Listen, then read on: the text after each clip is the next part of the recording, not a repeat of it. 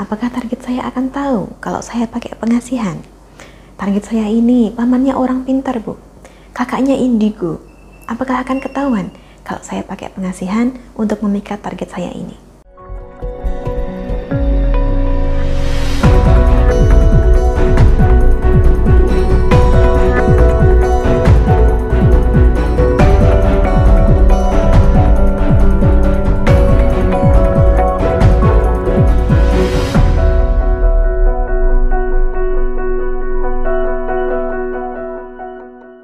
Salam Rahayu, kembali lagi dengan saya Dewi Sundari.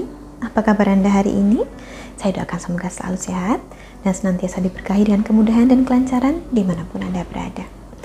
Kali ini, saya ingin menjawab salah satu pertanyaan yang cukup sering saya terima dari Anda yang berminat menggunakan sarana pengasihan atau mengamalkan ajian pengasihan.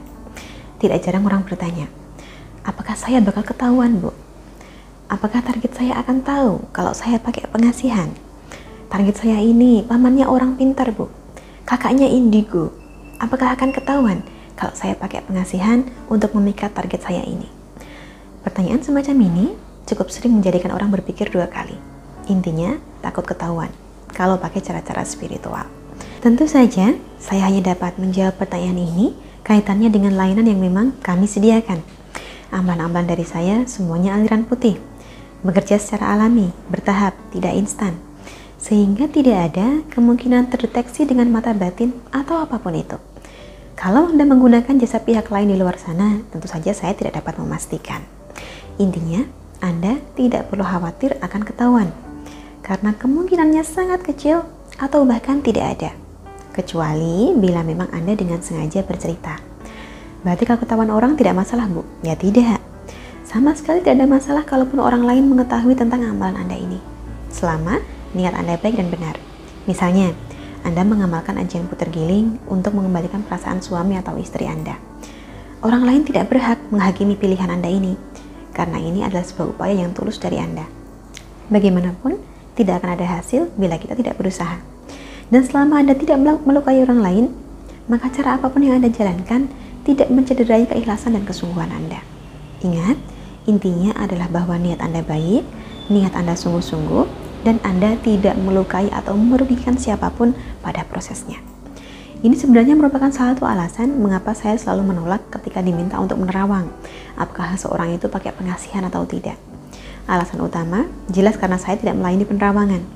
Tapi kalaupun orang ini pakai pengasihan, apalah hak kita untuk mengorek soal itu? Orang ini berhak untuk meningkatkan kepercayaan diri, meningkatkan daya tariknya, sebagaimana Anda sendiri pun berhak atas hal yang sama dengan cara Anda sendiri. Kembali tentang apakah Anda akan ketahuan menggunakan sarana atau amalan pengasihan. Bila Anda mendapatkan sarana ataupun amalan tersebut dari saya, maka sekali lagi jawabannya adalah tidak. Meskipun target Anda ini punya mata batin, meskipun target Anda ini keluarganya indigo, meskipun target Anda ini bersaudara dengan seseorang yang punya indera keenam. Kecuali bila Anda sengaja bercerita pada orang lain. Kalaupun misalnya ada seseorang yang secara acak tanpa sebab menuduh Anda pakai cara-cara gaib itu merupakan suatu tuduhan yang berangkat dari pikiran negatifnya sendiri. Bukan berdasarkan sesuatu yang bisa ia jelaskan atau pertanggungjawabkan secara konkret.